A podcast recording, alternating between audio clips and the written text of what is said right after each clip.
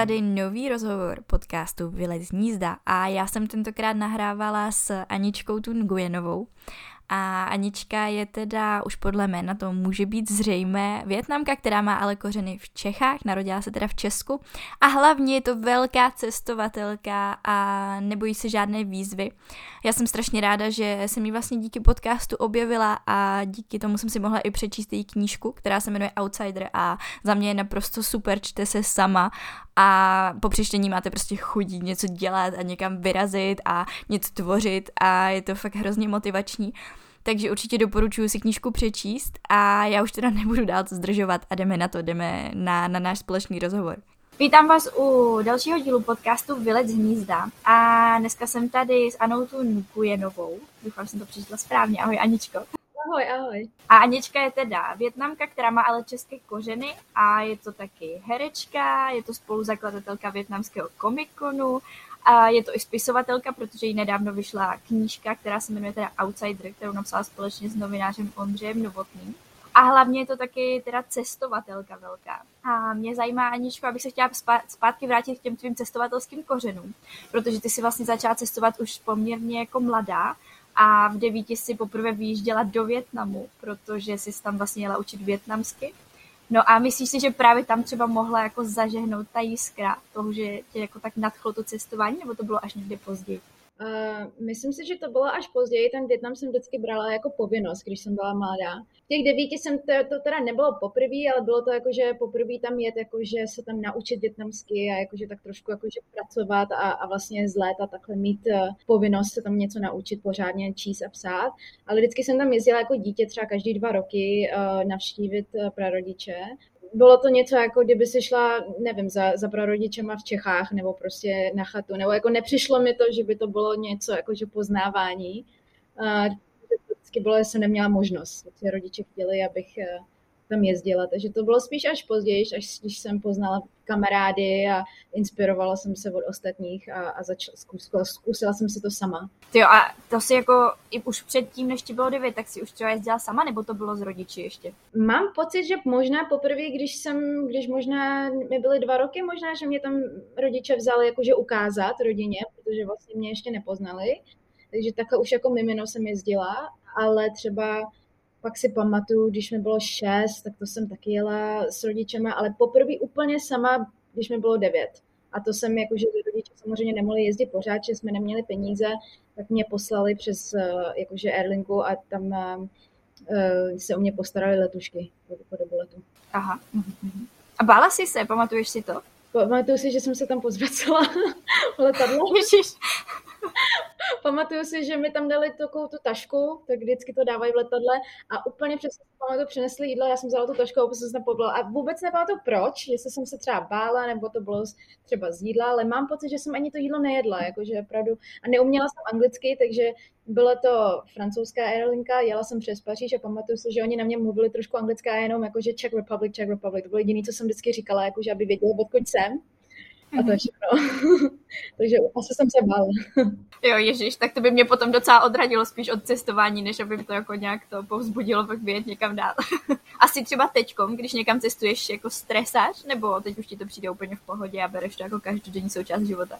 Teď už je to tak v pohodě, že se smějou těm lidem, kteří se bojí. Jakože už je to takový, jakože jo, tak eh, už kolikrát už se mi stalo, že mi uletělo letadlo, nebo že jsem musela někde tamhle rychle last mi tam přespat někde v nějakém hotelu, protože mi nějaký plán nevyšel, nebo jsem tady ztratila peníze, ztratila kufr, ztratila něco.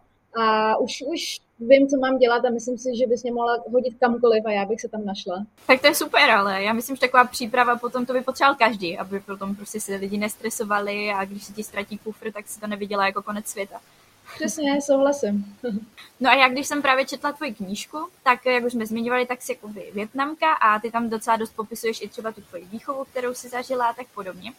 A já jsem se, mně tam přišlo hrozně jako takové protichudné to, že ty větnamské děti, když byly takhle jako v, Češ, v Česku s těmi rodiči, tak byly hrozně samostatné, jsi tam vlastně popisovala, jak si se musela starat jako sama o sebe i jako dítě, protože rodiče hodně pracovali a pomáhala si jim i s překlady, vlastně protože si uměla česky a oni ne. No ale zase na druhou stranu, když potom uh, přijde ta doba, když by se jako ty děti měly osamostatnit, tak mi přijde, že ti Větnamci jsou spíš takový jako submisivní v rámci jakoby vůči těm rodičům, tak jestli to není jako trochu protichudné. A ty si vlastně taky, co, podle toho, co tam popisuješ, tak jsi spíš taková jako černá ovce, že nejsi úplně tenhle submisivní typ uh, větnamské dcery. Tak uh, proč si myslíš, že to tak je a proč ty zrovna si jako tak vystoupila z toho? Uh, to je strašně dobrá jako otázka, protože je to pravda. Vlastně ono je to obojí je pravda. To, že jsme nás učili, abychom byli jakoby samostatní, jakože dojít na ten úřad a zařídit věci, ale zároveň poslouchat rodiče a tak nějak obojí nějak jakože spolu koexistuje. Že mm, si myslím, že je to tím, že jedno je azijská kultura a to druhý je uh, přistěhovalci. A mhm. když jsi v jiný zemi, jiná kultura, jiná, jiný všechno, tak vlastně se musíš přizpůsobit nějakým způsobem samostatná, prostě jakoby musíš být. Takže vlastně oni neměli jinou možnost, než nás takhle vychovat. Jakože musíš naučit ten jazyk, musíš chodit do školy, do té místní školy, naučit se místní kulturu a musíš chodit na ty úřady pomoct nám, protože my nemáme to vzdělání, takže vlastně obojí může nějak jako existovat. Myslím si, že by to bylo jinak, kdybychom byli že jo, kdybych se narodila v Ázii, přímo ve Větnamu, takže vlastně by po mně asi rodiče nikdy nechtěli, abych chodila na úřad, že oni by se to zařídili sami, nebo by ani nemuseli chodit třeba. Takže to by možná, bych ani nemu, neměla takovýhle konflikt, ale tím, jak eh, jsme byli že jo, menšina, tak um, najednou vlastně ta, ta soběstačnost tam, tam byla. No. Mně spíš přijde zvláštní, že vlastně tohle všechno ty už jako zvládáš, asi taková samostatná a pak najednou ti rodiče chcou po tobě, aby ses jako zpátky vrátila a byla jako tím zase tím jakoby spíš jejím dítětem, než jako tím samostatným prvkem v té společnosti. No, taky nevím, jako jak bych si to vysvětlila. Vlastně byl to určitě ten konflikt, který, uh, o kterým vlastně hodně píšu v té knize, že jsem prostě nechápala, jak, to, jak je možný, že chceš to a pak i chceš to a vlastně nevím ani, jak bych to vysvětlila. A proč si myslíš, že jako není víc lidí jako ty?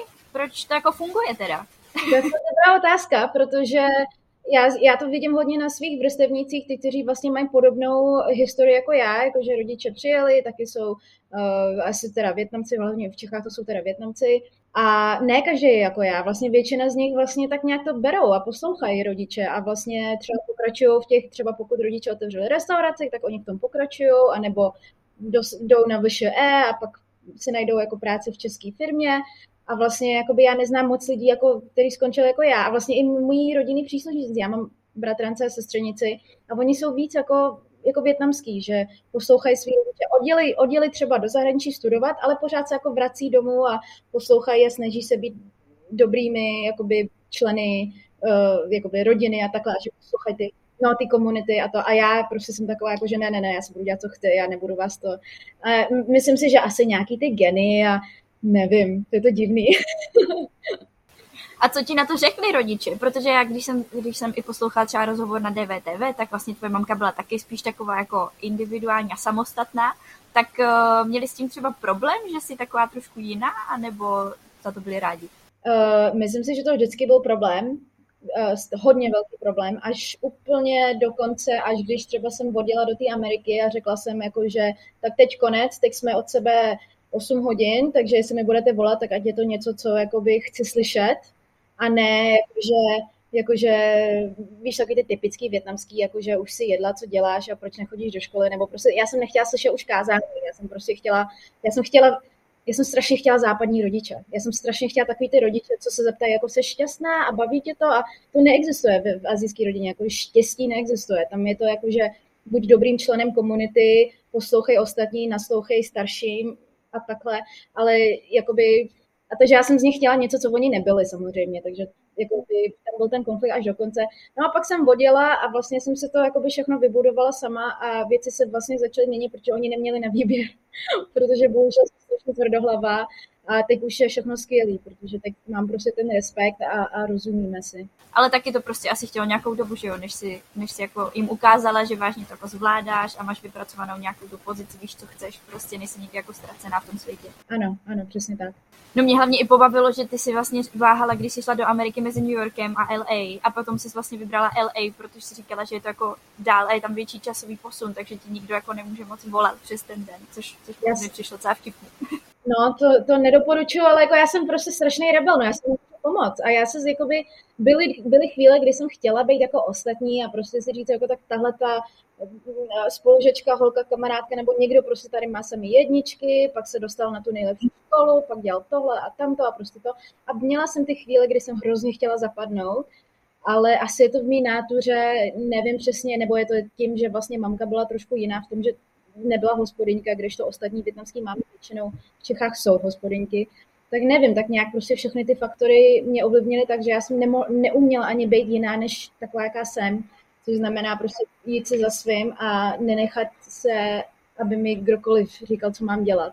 No a na střední si vlastně šla na britské gymnázium, už v Česku.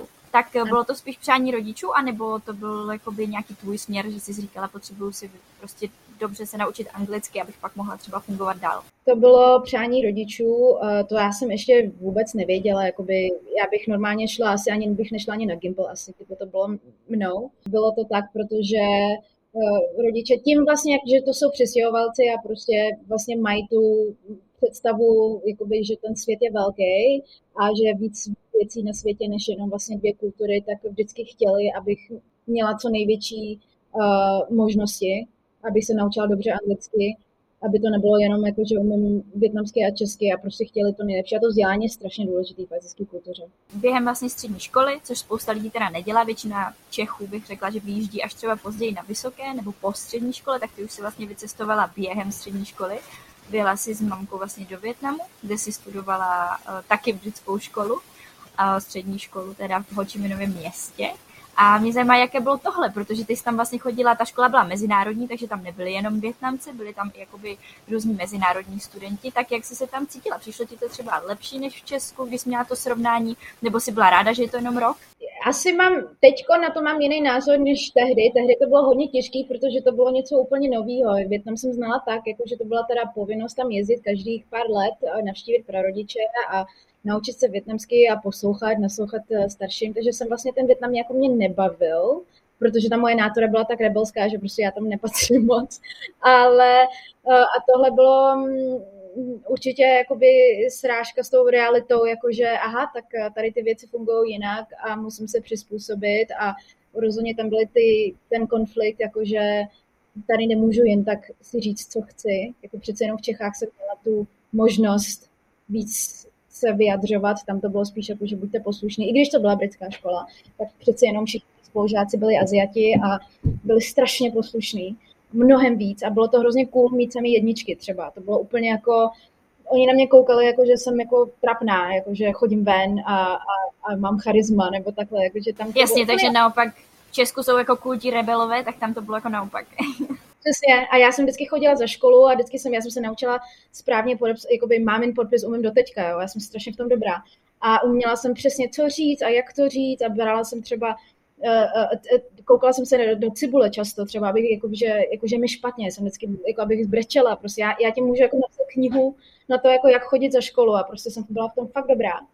No a prostě ve Větnamu to najednou jsem byla trapná a najednou se se mnou nikdo nechtěl bavit, nebo ne nikdo, ale jakoby, že už to nebylo stejný prostě a já jsem se naučila, že aha, tak tady abych jako zapadla, tak se musím učit. a no, tak to bylo jiný, no. Každopádně teď, když se na to koukám, tak jsem hrozně ráda za, za ty všechny ty konflikty nebo ty různé věci, co jsem se v tom Větnamu naučila, protože vlastně je strašně důležitý uh, se nechat jako challengeovat a být otevřený jakoby více jakoby kulturám a, a, tak, takže jsem za to ráda. Myslíš, že tě to změnilo i jako přístupem k té škole, tím, že jste tam museli nosit ty uniformy, teď bylo cool mít ty dobré známky, zároveň jako holka si, jako nebylo úplně dobré, když se nějak jako asi víc vyjadřovala, než bylo nutné. Posunulo tě to nějak?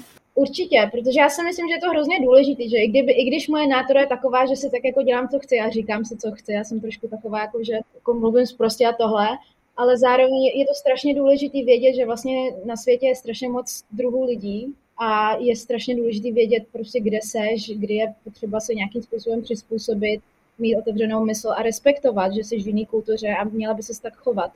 Protože to je důležité. Prostě byla jsem v jiné kultuře a tu kulturu musím respektovat, měla bych se tak chovat. Jako určitě bych tam neměla jezdit a uh, chovat se úplně jako Čech třeba. Takže mě to mě to naučilo. A zároveň mě to naučilo, že uh, tam nechci být teda, jako že to není moje povaha, ale uh, dobrý, že jsem to zažila.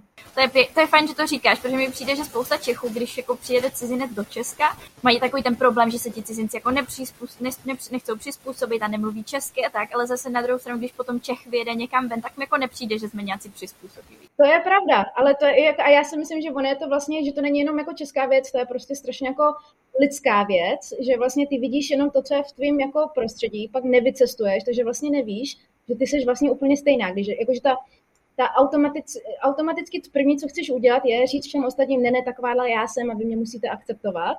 To je ta první věc a kdekoliv prostě tady to funguje i jako v Americe, co to, co to často vidíš, tam je hodně těch přestěhovalců a všichni tam založí svůj jakože Chinatown, nebo si tam založí tu svou menšinovou jako tohle a, a jakože musíte být jako já. A málo lidí se vlastně uvědomí, že aha, já vlastně občas dělám, mám ty tendence dělat to stejný a proto je důležitý vlastně pro všechny lidi, aby víc cestovali a chápali, že vlastně jsme všichni stejný. Jo, to asi podle mě jinak nejde, jakože člověk pokud nevycestuje a trošku si to neodžije, tak asi ten názor nezmění. To je pravda, no, to souhlasím. Ty jsi teda postřední si dala takový populární gap year, což teda pro lidi, kteří neví, tak je to mm, roční pauza mezi střední a vysokou školou většinou. A odjela si pracovat na internátní školu jako asistentka personálu na internátní školu teda ve Švýcarsku, na jednu z těch nejdražších. A teď její jméno bude vtipné, až ho přečtu ve francouzštině, což je College Alpine International du Soleil. No, moje francouzština je velmi špatná. Super, jsem přečetla. Takže jak se jako dostane člověk k takové práci? Posílala jsi někde životopis, nebo to byla náhoda, nebo jsi to měla naplánované předem? Uh, naplánovaný nemám skoro nikdy nic. Uh, jakože vždycky v životě vím, že jako vím, co chci, ale jako vždycky to, že znáš, to vždycky věci se nějak to hrajou úplně jinak. Uh, ale pamatuju si, že vlastně jsem se dala ten gap year a psala jsem to svýmu učitelovi v, na střední, a on právě dostal novou práci a on je Brit, protože jsem chodila na ten britský gimbal, tak on mi řekl, no tak já jsem dostal novou práci ve Švýcarsku a hledaj asistentku, jestli nechceš to. Takže jsem to vlastně, jakože jsem to tak nějak, jako jsem to řekla všem, eh, že se beru gapi a že nevím, co budu dělat a tak nějak tenhle profesor mi právě řekl, ať uh, uh, přijedu do Švýcarska, ať přijedu na pohovor s ředitelem. A oni hledali asistentku a já jsem to, jsem tam nějak jako dala, myslím, že to byly nějak dva pohovory, že, že jsem tam letěla a, a tu práci mi dala. Myslím si, že oni to pořád do teďka mají jako takový program na rok, takže kdyby někdo chtěl, tak určitě ať se na to podívá, nebo klidně vlastně hlavně se nebát a prostě těm lidem prostě napsat. Třeba to nemají ani na webových stránkách, ale je spousta internátních škol na světě, je spousta takovýchhle organizací a vždycky hledají asistentku někde. Tak prostě napsat e-mail, jako nehledáte, tohle je moje jako background tohle můžu udělat, můžu vám pomáhat, nevím, s dětma nebo s, kým, s čímkoliv a, a třeba můžeš mít štěstí v tom. Takže je potřeba o tom hlavně mluvit, jakože nemáš si syslit ty svoje plány nebo něco takhle u sebe, ale prostě psát e-maily, říkat to lidem, protože ty kdybys o tom nemluvila, tak třeba jako ten profesor ani neví a nikam se nedostaneš. Takže určitě komunikovat hlavně. No a byly tam nějaké požadavky? Musela jsi mít třeba francouzsky nebo německy, anebo ti stačila angličtina v té době?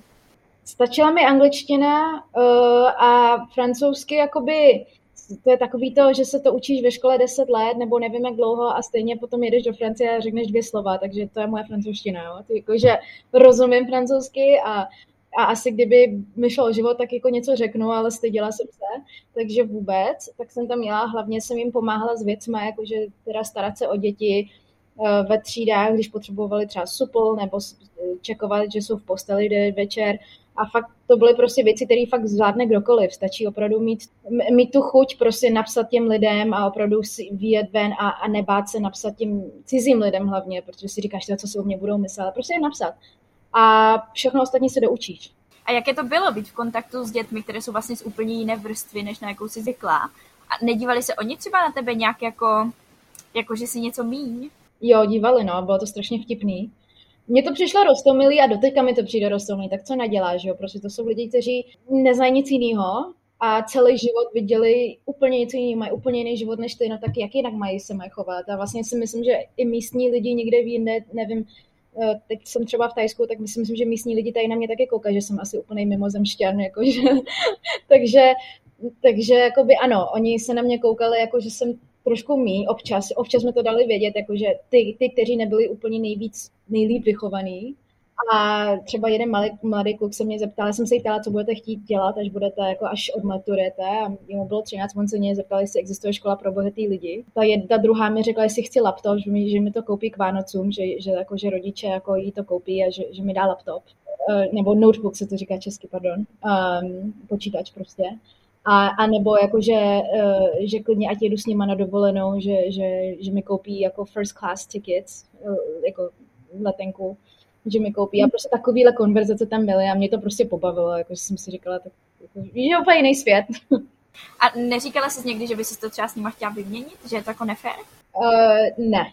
Jako já se spíš říkám, že svět je nefér v tom, jako, že proč jsem takový rebel. Jako, že já si myslím, že můj život by byl jednodušší, kdybych pořád měla ten pocit, že potřebuji něco jako tady dokázat a lítat po celém světě a prostě, víš, jako, že já mám strašný ten drive, já, já prostě nejsem schopna sedět na jednom místě, já potřebuji někam jet, něco vymyslet, něco založit tak v tomhle si myslím, že ten svět je nefér, že prostě může narodit prostě nějak jako, aby normální, ale, ale jinak eh, ne, tak ne, nezdálo se mi, jako, že bych jako chtěla mít jejich život. Přišlo mi to jako vtipný. A co jsi od tam odnesla? Naučilo tě to třeba něco?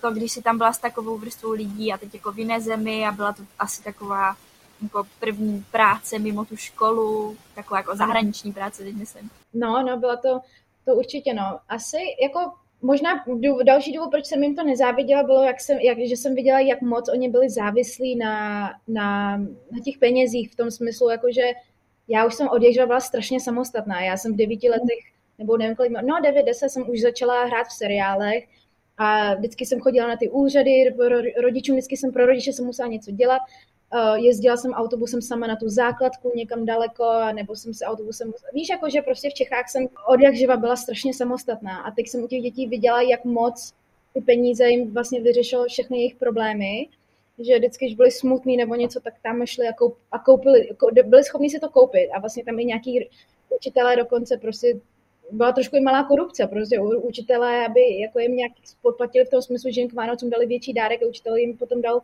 lepší známku, třeba to jsem tam taky mhm. viděla. A, a bylo takový, v tomhle to bylo smutný, že já, jsem, já si strašně vážím toho, že jsem takhle samostatná, že jsem se to naučila už od jak živá, že prostě mě hodíš kamkoliv a postarám se o sebe. Oni to nebyli schopni uh, dokázat, oni prostě už fakt brečeli, když se ztratili jakoby na lyži, když jsme jezdili lyžovat, tak se ztratili a už z toho měli prostě panik a tak a už prostě potřebovali si to někomu zavolat. Já si je představuju jako Rachel, jestli někdo tady, kdo poslouchá, viděl přátele, že vlastně taky si celou dobu v tom modu, že ti rodiče ti jako něco platí a pak najednou, když tě hodí do toho normálního světa, tak si prostě úplně ztracen. No, asi tak. No a ty jsi teda během toho gebíru, kromě tady téhle práce ve Švýcarsku, uh, stihla odjet i do Ameriky. A byla si tam teda na kurzu herectví. Tak uh, jak přišlo tohle? Jak jsi jako řekla, tak teď jsem zvládla tady Švýcarsko a protože prostě mám ještě nějaký čas, než třeba půjdu na vysokou, tak uh, pojedu prostě do Ameriky. Protože to nezní jako něco, co z dlouhodobě plánovala, že mi přijde, že spousta lidí, co jede na nějaké jako takovéhle studium do Ameriky, tak to jako plánuje předem a má nějaký ten rok, kdy jako má ty dokumenty a takhle. A mi nepřijde, že jsi to nějak jako dlouhodobě plánovala. Ne, přesně tak, je to, je to pravda. Já jsem, já mám jako dlouhodobý plány, ale potom vždycky něco přijde, co mě úplně jako zvedne ten adrenalin. Já jsem, jsem z toho tak nadšená, z toho nápadu, že prostě se zatím pak jdu. Takže potom ty dlouhodoplný plány se potom taky mění, jako kvůli tomu. A já si pamatuju, že v té době, já už jako když jsem byla mladší a hrála jsem těch seriálů, tak jsem si říkala, mě by strašně zajímalo, to je, jako, že doopravdy to studovat a nejenom být nějaká, jako, že víš, jako, že já, nejsem prostě v tomhle, jako, já, já se nepovažuji jako herečka v tom smyslu, já nejsem vyučená, jenom jsem měla štěstí, že jsem se s někým zahrála, ale jinak vůbec. A vždycky jsem si říkala, jaký to musí být. A nevím, nějak jako jsem dostala ten nápad, nemohla jsem ho opustit. A ve Švýcarsku samozřejmě, když pracuješ v takovéhle škole, tak ono opravdu stačí tam pracovat pár měsíců a vyděláš si opravdu hodně, jakoby hlavně pro, pro ten level, když se porovnáš vlastně s prací v Česku nebo kdekoliv jinde. A takže vlastně jsem tam byla, myslím si, že těch pět měsíců ve Švýcarsku, takže všechny peníze jsem našetřila. Všechno, co jsem dostala, tak to jsem si našetřila vlastně do, do té Ameriky protože vlastně, když žiješ na, na, když žiješ na té škole, tak ubytování i jídlo už je zaplacený a nemáš ani kam jít, protože žiješ v horách. Takže jsem všechen svůj plat dala vlastně do té Ameriky a tam jsem měla jenom na, uh, myslím, že tak čtyři měsíce, s tím, že teda všechny ty úspory jsem dala do toho a uh, chtěla jsem si prostě, zapsala jsem se na takový krátký kurz, kde uh, jsem si říkala, tak něco z nového zkusím, pojedu někam daleko a uvidím. A vystačily ti teda ty finance z toho Švýcarska na celé ty čtyři měsíce potom v USA? Uh, no, hlavně to bylo teda to školní, no. To školní bylo hodně, tak to mi vystačilo. To školní bylo na tři měsíce. A tak to mi vystačilo a pak mi trošku dala mamka. Že vlastně oni mi, rodiče mi, nebo spíš mamka, teda, či rodiče jsou rozvedený, tak vždycky říká máma, že mi našetřila na vysokou, protože oni vlastně od jak živa, oni my jsme vždycky žili jako v bytech a pro náj, já si myslím, že doteďka máma, jako, že vlastně nikdy nekoupili svůj vlastní jako to barák, že to vždycky dali do mýho vzdělání, že to je to jedna věc, která v té bytomské kultuře je strašně jako důležitá, takže vlastně jsem měla i našetřenou na vysokou, a, takže trošku i z toho a z mých úsporů ze Švýcarska jsem to dala do, do Ameriky. A ty jsi teda na ty tři měsíce byla v institutu Leo Strasberga, já nevím, jak jsou ani anglické jména. No, každopádně, podle čeho jsi, podle čeho jsi to vybírala, ten kurz? Hledala jsi třeba na internetu, nebo jsi šla podle nějakých doporučení, nebo podle ceny? Já jsem nikoho neznala ani v té Americe. Já jsem, já jsem měla snad, uh, nikdy jsem v té Americe nebyla, nebo možná vlastně jednou jsem tam možná jela na, jakože navštívit fakt jenom jako takový ten na, turismus prostě fakt na dva týdny nebo takhle, ale jinak jako vlastně s tou Amerikou jsem nic nevěděla, já jsem fakt šla na Google a nějak jsem si vyhledala jakože školy, acting schools jsem tam dala a tohle by nějak vyjelo, dala jsem si takhle ten research a řekla jsem si, jo, tak to má jméno, protože ten učitel je známý, učil Marilyn Monroe a jakože uh, hrál s Al Pacinem, tak jsem si říkala, tak to má jméno, tak tam jedu. Prostě fakt to byl ten můj, ne, ta moje touha pro dobrodružství to byla. Mm-hmm. A musela si třeba něco dělat nějaké přijímačky, anebo to bylo čistě o tom, že si zaplatíš prostě kurz a jdeš? No, musím si přiznat, že myslím si, že to je asi hodně o tom, že si zaplatíš kurz a jdeš, si myslím teda. Ale přijímačky tam byly. Jenom se nejsem jistá, jestli ty přijímačky byly nějak, jako víš co, že, že to není damu. Že to není, nebo jak se to jmenuje? damu. No, jakože filmová škola. Filmová jo, a ta je divadelní, tak asi záleží, ne? Myslím. jakože to není takhle přísný, jakože to bylo, protože to je jenom takový kurz, který prostě jakože poznáš, jaký to je. Já myslím si, že těch kurzů tam, takovýchhle školy je tam víc, že Amerika je velká, Hollywood je strašně obrovský, to, takže takovýchhle, těch, takovýchhle malých škol je tam víc, akorát tahle byla teda slavná, já jsem si ji nějak vybrala.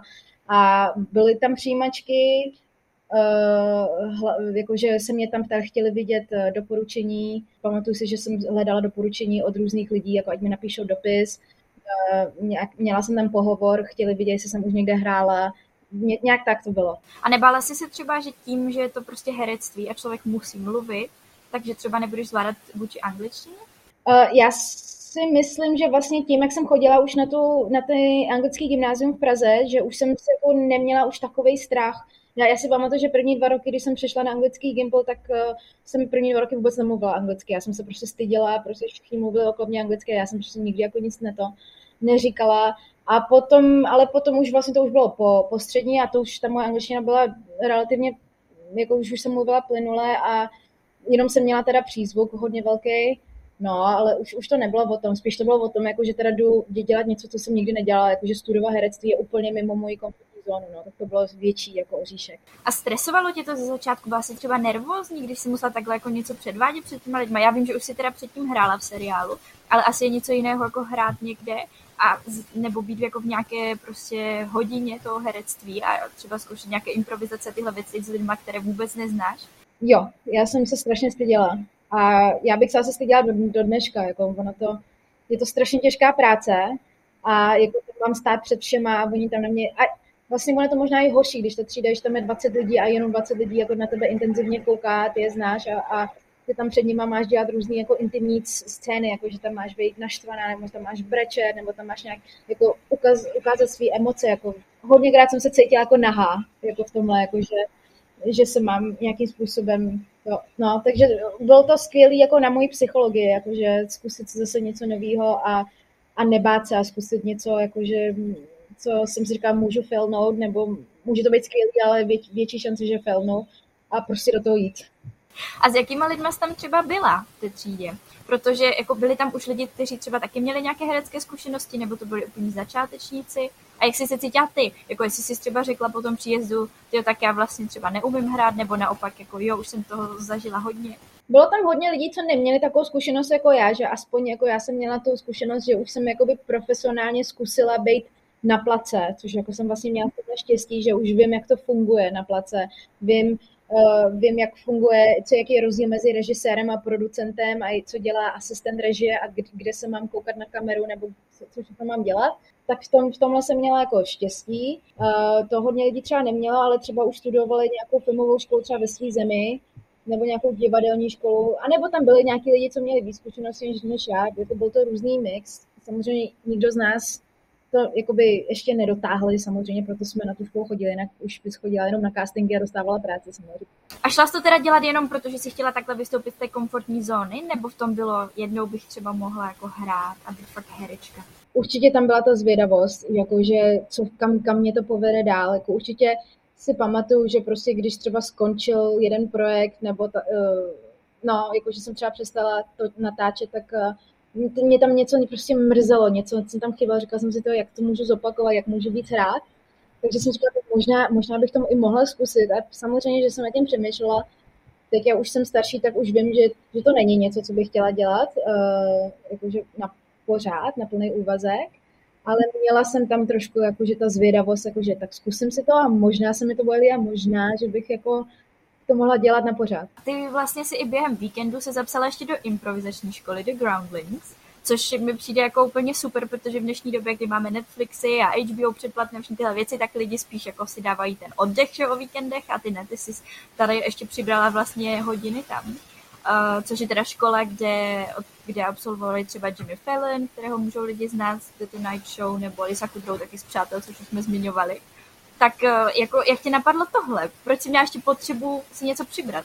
Já, já tu potřebu mám pořád, já mám takovýhle problém, no, jakože já neumím, jako já neumím prostě jako nic nedělat a mm, já prostě, když mám, já mám vždycky každý den 100 nápadů a potom z toho se snažím zrealizovat třeba pět a potom prostě to úplně vždycky pře, přeženu.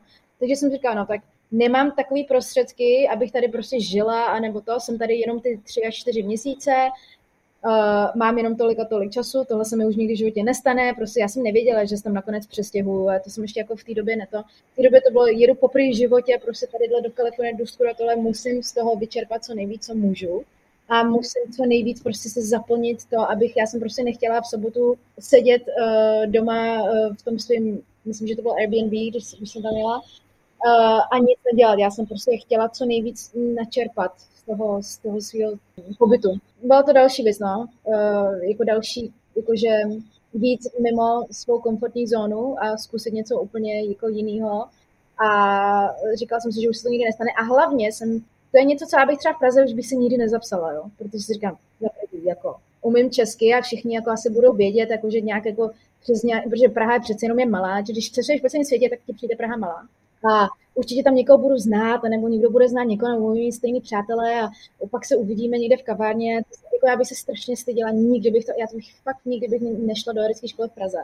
Ale tím, jak jsem byla v LA a tam je prostě cizinec, nikoho jsem tam neznala a prostě příslušení věděli, že jsem cizinec, tak jsem říkala, já nemám co ztratit, já ty lidi už nikdy v životě neuvidím a prostě nikdy už nebudu mít takovýhle zážitek a pak se můžu vrátit do Prahy a všem říct, že jsem tady chodila na tu školu a to je celá hustý. Takže tím jsem měla tu kuráž jít a zkusit si něco takového. Mm-hmm. Takže ti vlastně v tom pomohla ta anonymita, že jsi byla prostě někde a nikdo tam nevěděl, kdo jsi a bylo to vlastně lehčí, nemusela s nikomu spovídat, nikomu, nevím, nikdo tě pak nesoudil, což taky mají Češi docela v oblibě. Přesně, no. jo. Ale jinak jako, že mě se hrozně líbí, že jsi tak snažila z toho úplně vytěžit, protože jak když jsem třeba poprvé bydlela v zahraničí, tak mi přijde, že když se na to teď dělám zpětně, takže bych to udělala jinak, že jsem jako hodně času fakt strávila třeba doma a nemyslím si, že jsem toho dělala tolik, co bych mohla, takže tohle určitě všem doporučuji, pokud někde jste, tak prostě, prostě si užívejte toho, že tam jste a snažte se dělat co nejvíc věcí, co teda jde, no. A proč, eh, proč jsi chtěla zůstat doma a nechodit ven? Já nevím, já jsem prostě jako, jako introvert a asi jsem tím, jak jsme museli chodit jako do školy, protože to bylo v rámci Erasmu a mm-hmm. fakt jsme byli třeba od rána do večera prostě mezi lidma a takhle, tak mi asi víc jako pomáhalo ty víkendy mít takhle jakože asociální. To dává smysl, no. To Mm. Tak eh, jak, jaký byl v tom rozdíl? Když se vrátíme zpátky k tvému studiu, tak jaký byl rozdíl mezi tou improvizační školou a mezi tím vlastně hereckým institutem? Co ti dalo to a co to? A myslíš si, že třeba jako by člověk mohl jít studovat jenom jednu z těch věcí a nějak se už jako profilovat, anebo je lepší mít tady ten jako velký záběr? se to potom záleží, jako pokud už jako, jako pokud ten herec ví, co chce, jakoby, jaký druh toho víc baví, jestli to divadlo, nebo jestli to film nebo televize, nebo jestli je to ta improvizace, což je spíš jako teda ten stand-up, jako je strašně spousta způsobů, jak můžeš uh, být ten bavič, když to řeknu takhle jako tak um, můžeš mít svoji vlastní TV show, tak tím pádem bys měla spíš chodit na ten ground list, než aby si, pokud chceš být televizní nebo divadelní herec, tak spíš chodí na ten Lee Strasberg, tak opravdu záleží. Každopádně každá zkušenost je dobrá, že jo? aby si prostě zkusila tak nějak všechno a vědět, um, co tě baví nejvíc a, a zkusit se v tom zlepšovat.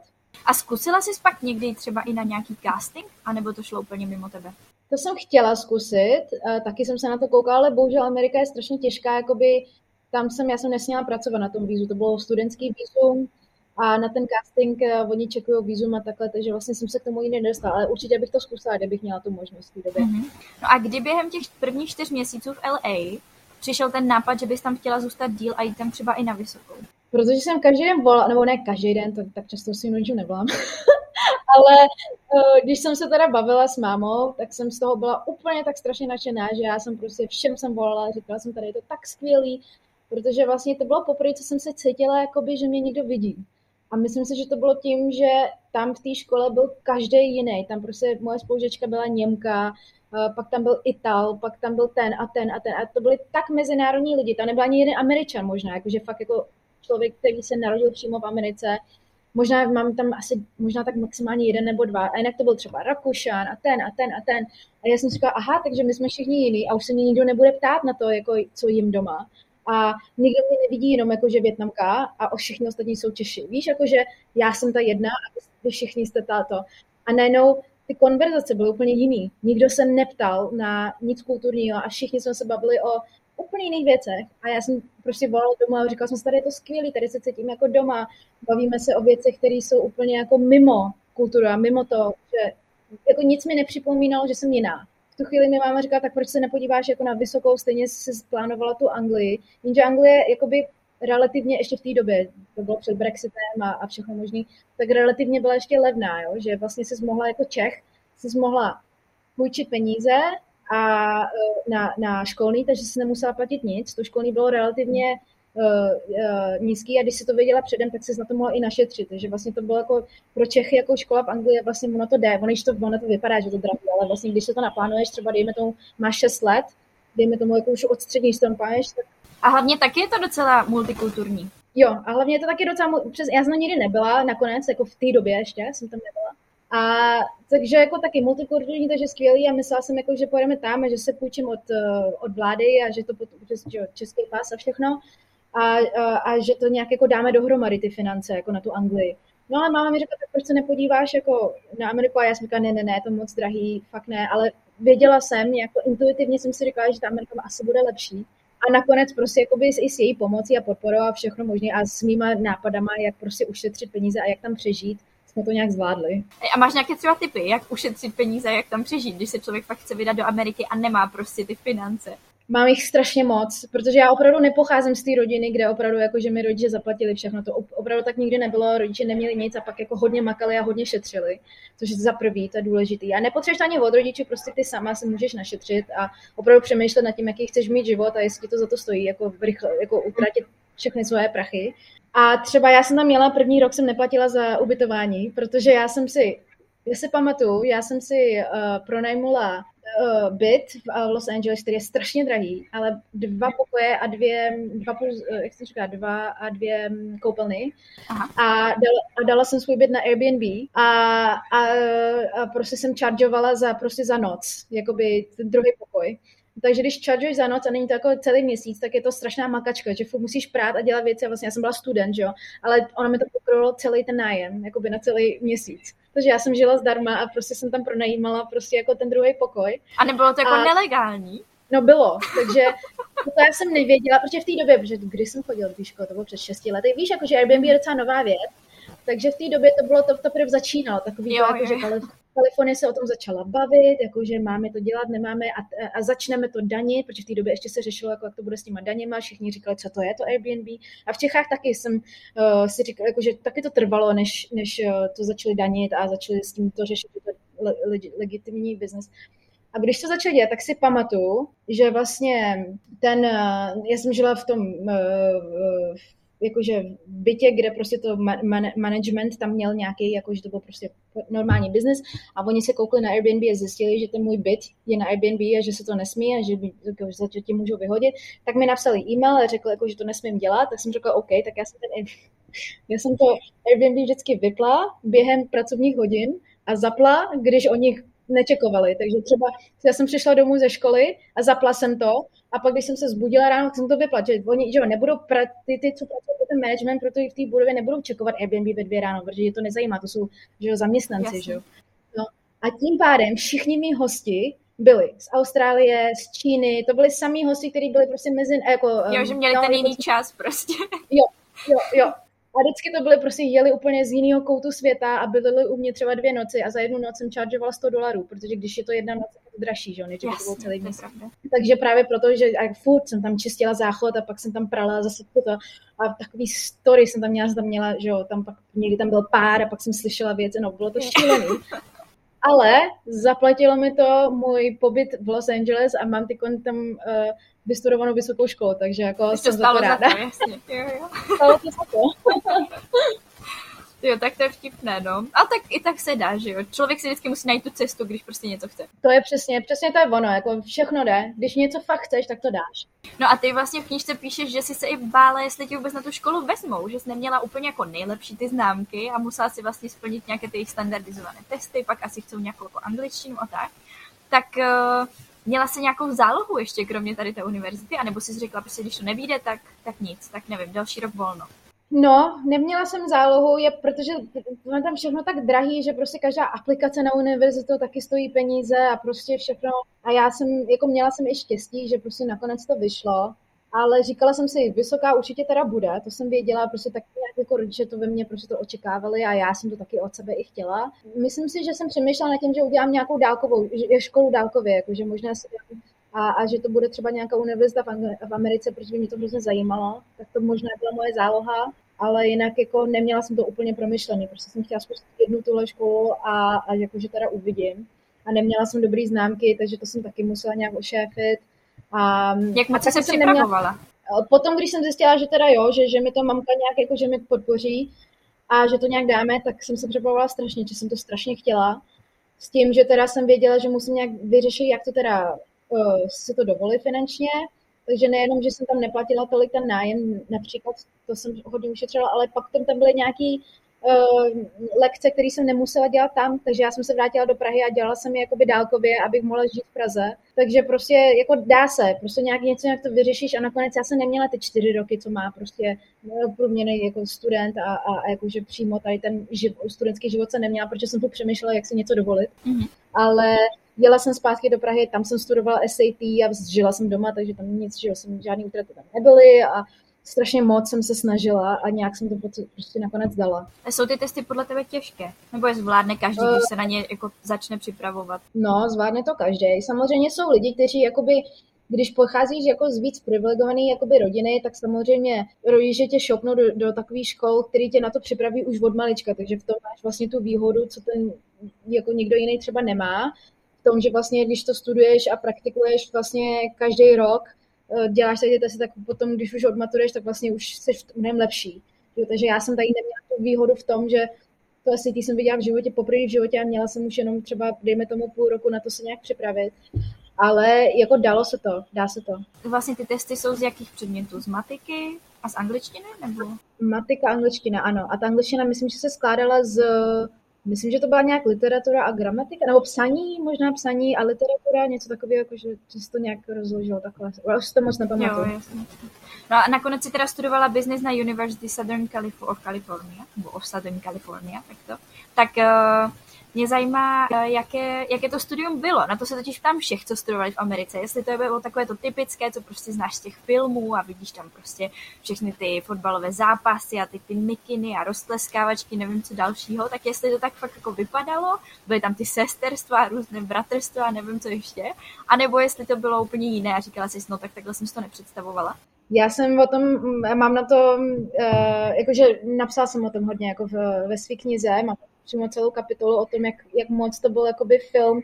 Vlastně já jsem tím, jak jsem strašně moc makala, abych tam vůbec mohla být, tak každý můj den v té univerzitě mi přišel jako sen. A doteďka, když se na tím zamyslím, tak si říkám, to, to, to není možné, že vlastně jsem si to jako zažila. Já jsem za to tak vděčná prostě, jo, protože to fakt byl film, to fakt byl film, jakože roztleskávačky a jak to ty holky brali vážně a jak moc to pro ně bylo důležité a jak moc pro ně bylo důležité, aby vypadali dobře pro ty kluky, jako, a ty kluci byli v tom bratrstvu a, a oni byli ty mačo a prostě tamhle chlastali poprvé v životě, že? protože v Americe 21 je to první, takže oni jakoby pijou mnohem, jakoby, oni začínají později, že? oni začnou třeba až v těch 17, jakože poprvé, víš co, jako v Čechách, že já jsem se ožrala už ve 14. Že? prostě jako, nebo možná to bylo i já, jako, že já jsem měla takový ty růžový oči, jako, že jsem se všechno tak koukala, jako, že, uh, jako, že wow, to je jak ve filmu, nevím, ale prostě přišlo mi to tak, že chodila, šla jsem na jeden fotbalový zápas tam a tam opravdu lidi jako tam cítili jako by to, že někam patří, jo? že to je můj tým a můj tým teď hraje a, a prostě byli opravdu smutní, když jako nedali gol, anebo um, kolik peněz oni utratili na, prostě na ten hot dog a co všechno oni tam jedli a prostě bylo tak americký a tak skvělý si to prožít. A hlavně protože mě to nezajímalo, víš co, já si říkám, no OK, no tak se zlíbila s nějakým jako mě to fakt jedno. A nebo jakože nebo někdo říkal, jako, že já jsem Trojan, to, takhle se nám říkalo, jako, že když patříš uh, do téhle univerzity, tak se ti jako máš přezdívku, víš, takže všichni jako já, já jsem Trojan, patřím sem, to byla přezdívka naše, jako, že jsme Trojan. Tak já jsem to necítila, já jsem necítila tady ten jakože tam patřím, tak jsem tam tak jenom koukala jako turista v podstatě, jakože jo, tak hustý, no. A neměla si třeba chuť se jako přidat, nebo být tou rostleskávačkou, nebo něco podobného? Uh, jako samozřejmě, jako kdybych mohla, jako neměla ty prostředky, tak určitě, ale já si myslím, že já jsem tam přijela s tím, jako že jsem nebral, jako že každý den pro mě byl tak cený a abych tam nějak jako, nějakým způsobem jakože přežila, já jsem věděla, že musím rychle přepnout na to, abych se našla práci a to a to jakože pro mě můj největší gol byl, jak, jak si najít cestu, abych tam mohla zůstat, aby tohle nebylo jenom. No, takže já jsem vlastně neměla ani tu, jako v hlavě jsem neměla dostatek místa, ani jako přemýšlet nad tím, jako jak se to užít, spíš jak tam zůstat, jak to přežít, jak být stejně dobrá jako místní, jako američan, abych mohla dostat práci. Uh-huh, uh-huh. No a ty v podstatě, nebo co jsem tak jako uh, poslouchala a četla, tak uh, nemáš už v podstatě žádný přízvuk v angličtině, že to jako nejde poznat, že nejsi američan. Tak jak, jak se dělá tohle? Jak se jako zbavíš přízvuku? Protože pro spoustu lidí je to docela nemožné. Ano, je to nemožné a vlastně, když se podíváš, jak mluví třeba Melania Trump, tak ona pořád mluví, jako kdyby přijela ze Slovenska včera, jako eh, manželka, manželka Donalda Trumpa a myslím si, že ona už tam v té Americe je nějakých, nevím, 40 let nebo co. Mm-hmm. A Schwarzenegger, když on mluví anglicky, tak to jako fakt, kdyby přijel, přijel z Rakouska včera. Fakt, jako, že ty si to nikdy nezbavil. Takže to nevím, já mám jako lehký přízvuk, ale vždycky, vždycky se mě lidi koukají, myslí si, že jsem z Ameriky. Takže jakoby nějakým způsobem se mi to povedlo. Myslím si, že asi nějaký geny tam budou hrát roli, protože si to nedokážu vysvětlit. Protože opravdu vidím, že někteří lidi to zvládají víc než ti ostatní a mě jazyky vždycky strašně šly. Já i větnamsky mluvím docela dobře na to, na to že mluvím doma, mluvím větnamsky jenom s rodinou a jinak nemám jakoby větnamský kamarády, s kterými se bavím větnamsky. A vidím, že u některých lidí to je jinak, no, takže nevím, a, ještě můžu říct, že mi pomohlo se hodně koukat na ty televize, jakože když jsem byla mladší, tak mě strašně bavily ty show, jakože přátelé, že jo, samozřejmě, myslím, že to děláme každý, takový to, že se koukáš na ty show a pak si to pustíš v angličtině a koukáš se na ty titulky, takže hodně jsem z toho naučila už, když jsem byla na, na střední. Mm-hmm. Takže už jako na střední si myslíš, že se z toho částečně zbavila, nebo právě tomu přispěla až potom ta Amerika? Už na střední, jak si pamatuju, že jsem přijela oni už mi říkali, máš docela dobrý jako podobný americký akcent, už říkali.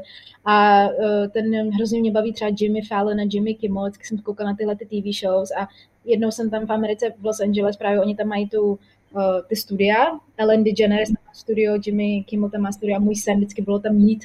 Až, a nakonec se mi povedlo jít do, na Jimmy Kimmel show a seděla jsem v tom té audience. To je pro mě jako Jan Kraus, prostě jako Jasně. A já pamatuju si, jak jsem tam sedla, úplně jsem si říkala, jak to, že, ten, jako, že, jak to, že mě nepozdravil, že on byl fakt vedle mě. A pak mi došlo, že prostě já jsem, já jsem jeho byla tak posedlá tak dlouho, že jsem si byla myslela, že to je můj kamarád, jako, že prostě já jsem, protože já toho Jimmy Kimmel, já ho znám každého úhlu, viděla jsem každou epizodu, jak on tam mluví s těma celebritama, jak on tam dělá ty jokes a věděla jsem prostě, kolik má dětí a kdo je jeho manželka. A měla jsem tam prostě fakt jako v sekundu jsem si říkala, jako proč se na mě nekouknul, jako když se známe, víš, jako že to, že to posedla. Co si myslíš, že dělá americké univerzity tak prestižními? Protože spousta lidí, jako když máš tu univerzitu prostě v tom CV, tak si říká, jo, byl v té Americe, prostě studoval tam. Tak je to tím, že je to prostě Amerika, nebo jsou to prostě ti zahraniční, nebo jakoby celkově vlastně ty kapacity, které tam chodí třeba přednášet a sdílí tam všechny ty zkušenosti a tyhle věci? Já si myslím, že to asi všechno dohromady. Že vlastně uh, ten systém v Americe je takový, že ty univerzity nejsou jakoby státní, jakože jsou, ale zároveň jsou hodně jako kapitalistický, jakože to hodně jako business. Bohužel to je taky smutný v tom, že vlastně ne každý si může tu univerzitu dovolit, že to prostě jako komplikovaný tam, když to v Evropě je skvělý vzdělání, který je zdarma. Je to skvělé v tom, že to zdarma, že vlastně každý má dobrý vzdělání, což se mi strašně líbí na té Evropě, že všichni jsou, mají dobrý přehled, když to v Americe to tak není, že jo. Ale to špatný v tom je, že potom, když to teda hodně jako je ovlivněný státem, tak potom to není jako business a potom se ty školy nesnaží tolik zlepšit. A v Americe tím, jak je to víc jako business, tak ty školy musí soupeřit mezi sebou, aby byly lepší, aby ty studenty mohli dostat, protože ty studenti jim vlastně platí to školní. Takže tím pádem oni, hodně soupeří, hodně zvou tam ty hosty a snaží se jakoby ukázat, koukejte na nás, my jsme lepší. A tím pádem oni i zvýšou tu kvalitu toho vzdělání. No a potom tam jsou ještě ty imigranti, ty přistěhovalci, co přijedou a přistěhovalci jsou, jakoby, jsou známí tím, že se hodně adaptují, že se snaží, že prac, jsou pracovití většinou, že z jakýchkoliv kultur světa. Tak uh, všechna ta kombinace toho všeho vlastně dělá tu školu jakoby skvělou, si mhm. myslím. A pomohlo to i tobě, že jsi měla tu univerzitu po tom CVčku? v životopise? Pomohlo. Myslím si, že pomohlo. Hlavně jako teď už je to úplně jedno samozřejmě, ale na, na začátku ano, hlavně protože jsem byla cizinec, že jo, takže kdybych tam napsala, jako napsala třeba Karlovu univerzitu, tak asi by jim to bylo jedno. Když to, když napíšu jako, že University of Southern California, tak aspoň jako, že ví, že jsem si prošla nějakým americkým systémem a jsem nějakým způsobem uh, přizpůsobena mm-hmm. té kultuře, jako, že, že nejsem nějaký úplně jako mimo uh, člověk. A s tebou ve třídě byli i jako slavní lidé, nebo teda třeba i děti slavných lidí. Byl tam třeba Patrick Schwarzenegger od Arnolda, kterého si zmiňovala, nebo i jako jiní. Tak jak je to bylo studovat s někým takovým? Jako třeba neznervozňovalo tě, nebo jsi vnímala jako úplně normální spolužáky? No úplně jako neuvěřitelný. Jako, do teďka, do te, opravdu se nad tím zamyslím na tou dobu a říkám se, tak to je psycho, že jsem se tím prošla. Já jsem, fakt jako to bylo, to bylo skvělé, protože jako neuvěřitelný. Prostě poprvé v životě v Americe sama tam sedím a vedle mě takovýhle spolužák. Já jsem ale taková, že já to nemám ráda, takový to, jako že já, já, já, hlavně, já hodně věřím na to, že jsme si všichni rovní. To, to je právě ten důvod, proč nemám ráda tu tolik tu azijskou kulturu, jakože tam je ta hierarchie, že chlap je lepší než žena, bla, bla, bla. Takže a to stejný vidím i na slavných lidech, jakože já nemám ráda takový to preference, tak to, jakože jo, tak se k němu jinak. Takže já vždycky většinou dělám ten opak, že já se schválně s nima nebavím. A pak se to úplně celý, pak se to celý poseru, protože vlastně oni můžou být úplně skvělí lidi, ale já je nepoznám. Takže já si pamatuju, že ten Patrik, jako my jsme tam rozdávali telefonní čísla, protože my jsme tam měli spolupracovat v různých skupinkách na financích a chodili jsme tam na různé školní tripy a já jsem z toho jeho číslo nikdy neuložila, jako schválně, protože jsem nechtěla, aby si na, on v té době ještě chodil Smiley Cyrus, jo, takže v té době to bylo jako, že hodně ten hype, jako, že hodně slavný byl, že on byl všude v novinách a to já úplně ještě víc jsem říkala, tak to vůbec, jako, jako, že, jako, že aby si nemyslel, že tě chci zneužít. Jo, přitom to vůbec nebyla pravda, jako podle mě on taky potřeboval kamarády, taky tam chodil jako normální člověk. No, Až, takže, a dával to třeba jako pocítit? Jakože je slavný, anebo se choval prostě normálně?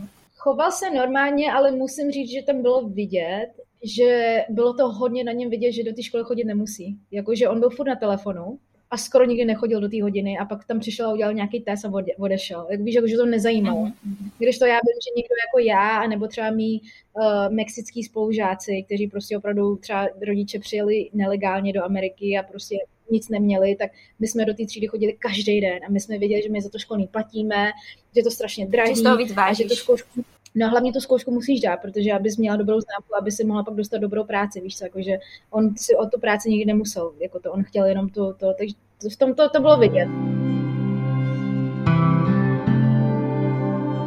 Amerika je takový jako růžový sen, že jo, všichni tam chcou, všichni to vidí hrozně pozitivně, ale ty jsi měla potom vlastně docela problémy. Když už si vystudovala, měla si ten titul, tak si potřeba řešit, co bude prostě dál po té škole, zároveň si už nebyla student, tak s čím, s čím se musela potýkat potom v tom už jakoby dospělém životě?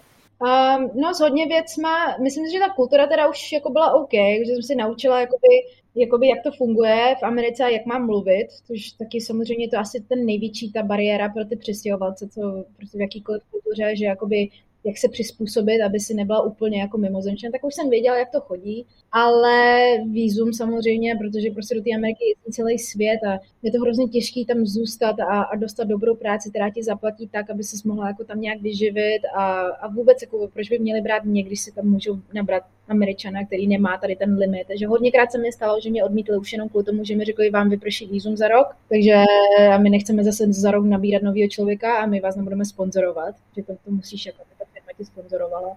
Takže jako by to bylo neustálý za prvý najít si práci, což jako už i tak najít si práci kdekoliv na světě je těžký, jako jo, jsi nový student, nemá žádné zkušenosti a teď si musíš najít práci.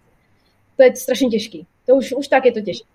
Ale teď se najít práci v jiným, v jiný, na jiném trhu, v jiný zemi, úplně ještě na jiném kontinentě, v jiném jazyce a do toho ještě výzum, protože vlastně jsou země, když, když jsi Evropan, tak můžeš do jiné evropské země a že to výzum není problém, jo, jako EU, pod EU. Americe to byl ten, ten výzum, takže já jsem vlastně strávila všechny ten svůj čas vlastně tím, že jsem se hlásila na různé práce a, a řešila, jak tam můžu zůstat, no, takže to jako byl to určitě oříšek. No a ty, i když jsi potom tu práci našla, tak nakonec si stejně musela odjet tak už tam Našla prostě tu práci. už tam nebyla jako žádná možnost, jak bys mohla zůstat, nebo nic prostě, co by se dalo udělat. No, mohla jsem si někoho vzít. A, yes. mo, mohla jsem, no, bylo by to nelegální samozřejmě, protože si máš brát lidi z lásky a ne z, z kvůli papíru. Takže mám pocit, že by to bylo nelegálně. Já jsem si vždycky říkala, že já teda nikdy nechci být prezident, ale jako jsou věci, které neudělám. Jako který, víš, jako, že to, jako, že i když nechci být prezident, to znamená, jako, že nikdy, nikdy by asi na to nikdo nepřišel, ale prostě to, to už to už jsou jako hranice, kterou asi neudělám. Jako viděla jsem to u hodně lidí, jako to fakt lidi dělají, jo, kamarádi. A jakoby chápu to z jedné strany, protože tady to je už jenom prostě už jako taková ta instituce, že to je hrozně jako nefér, jo, že tam vystuduješ, hrozně makáš, jsi dobrým členem jakoby té komunitě hrozně pomáháš a nejenom ty musíš odjet a jediný způsob je si v někoho tak oni si tam, si tam vezmeš nějakého kamaráda, víš, to jste spolu jako třeba dva roky a pak máš papír. Mm. Jo, takže jako dělají to lidi, ale prostě já jsem si říkala, já nemůžu, jakože i když, i když se mi nikdo, asi se nikdy nestane, že se někdo bude koukat na to, jakoby na moji historii, tak eh, to nechci dělat. A to jsem tam měla amerického přítele. Že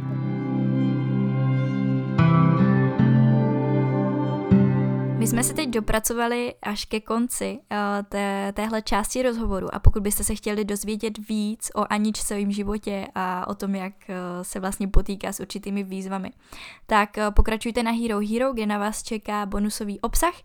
A já se jinak na vás budu těšit zase za dva týdny v neděli, případně pokud se rozhodnete přihlásit právě na Hero Hero, tak už za týden budete mít k dispozici uh, novou epizodu. Rádi byste studovali v zahraničí, ale nevíte jak na to? Potřebujete pomoc s výběrem destinace? Chtěli byste zkusit práci v zahraniční firmě, ale máte strach, že to nezvládnete? Rádi byste nějakým způsobem pomohli naší planetě a chtěli zkusit dobrovolničení?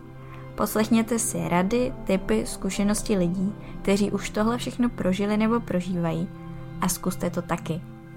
Tohle všechno a ještě mnohem více se dozvíte ve Vylec hnízda, tento podcast je tady pro všechny, kteří se bojí a chtěli by někam vyrazit. Seberte odvahu, poslechněte si pár rozhovorů, najděte destinaci a vyražte za svým snem.